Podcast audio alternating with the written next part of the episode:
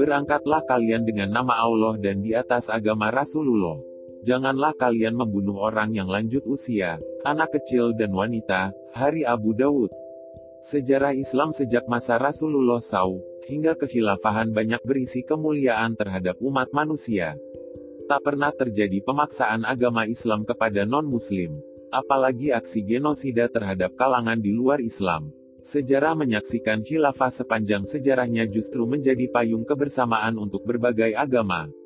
Reza Sakazemi dalam bukunya, The Spirit of Tolerance in Islam, menjelaskan bahwa khilafah Utsmani pernah memberikan perlindungan kepada komunitas Yahudi. Seorang tokoh Yahudi terkemuka, Rabi Ishak Tezarfati, pernah menulis surat kepada Dewan Yahudi Eropa Tengah setelah berhasil menyelamatkan diri dari persekusi di Eropa Tengah dan tiba di wilayah Khilafah Utsmani menjelang 1453 Masehi. Melalui suratnya, pria kelahiran Jerman itu memuji Khilafah Utsmani sebagai negeri yang dirahmati Tuhan dan penuh kebaikan. Selanjutnya dia mengaku, di sini aku menemukan kedamaian dan kebahagiaan. Kami, kaum Yahudi, tidak ditindas dengan pajak yang berat. Perniagaan kami dapat berlangsung bebas. Kami dapat hidup dalam damai dan kebebasan. Sejarawan Eropa T.W. Arnold mengatakan, Ketika Konstantinopel dibuka oleh keadilan Islam pada 1453, Sultan Muhammad II menyatakan dirinya sebagai pelindung gereja Yunani. Penindasan atas kaum Kristen dilarang keras. Untuk itu dikeluarkan sebuah dekrit yang memerintahkan penjagaan keamanan bagi uskup agung yang baru terpilih, Gennadios, beserta seluruh uskup dan penerusnya. Kemuliaan ajaran Islam juga tampak saat Khilafah Utsmani memberikan bantuan kemanusiaan kepada rakyat Irlandia yang dilanda bencana kelaparan pada tahun 1847. Saat itu Khalifah Sultan Abdul Majid pertama mengirim bantuan berupa uang sebanyak 10.000 pound, lebih dari 1 juta pound pada nilai saat ini, 1,3 juta dolar, bersama tiga kapal untuk membawa makanan, obat-obatan dan keperluan mendesak lainnya ke Irlandia. Sebaliknya, dalam buku History of Islamophobia and Anti-Islamism, disebutkan pasukan salib Eropa yang dikerahkan ke Kaisaran Bizantium dan Gereja Roma telah membunuh sekitar 70.000 orang Islam dan Yahudi di Al-Quds, Yerusalem.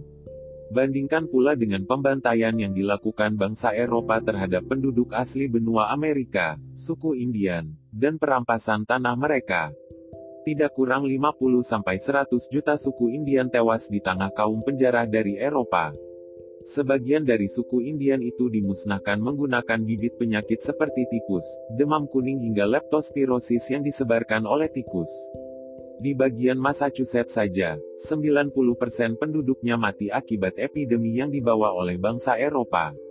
Bahaya moderasi Islam Moderasi ajaran Islam termasuk tindakan yang berbahaya. Langkah ini melemahkan ajaran Islam dan melepaskan keterikatan kaum muslim pada agamanya. Moderasi ajaran Islam berarti mengambil jalan tengah. Bukan ketaatan total kepada Allah SWT.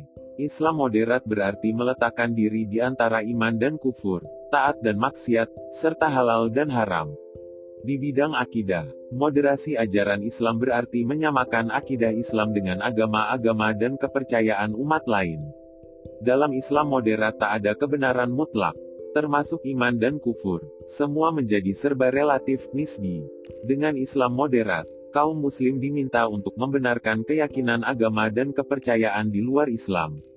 Padahal Allah SWT telah berfirman, Sungguh kaum kafir, yakni ahlul kitab dan kaum musyrik, akan masuk ke neraka jahanam.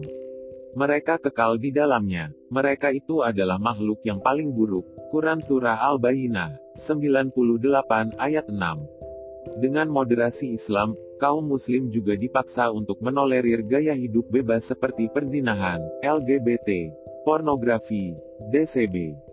Alhasil, moderasi ajaran Islam adalah cara penjajah untuk melumpuhkan kaum muslim kaum imperialis dulu dan sekarang paham bahwa faktor pendorong perlawanan umat muslim terhadap rencana jahat mereka adalah kecintaan dan ke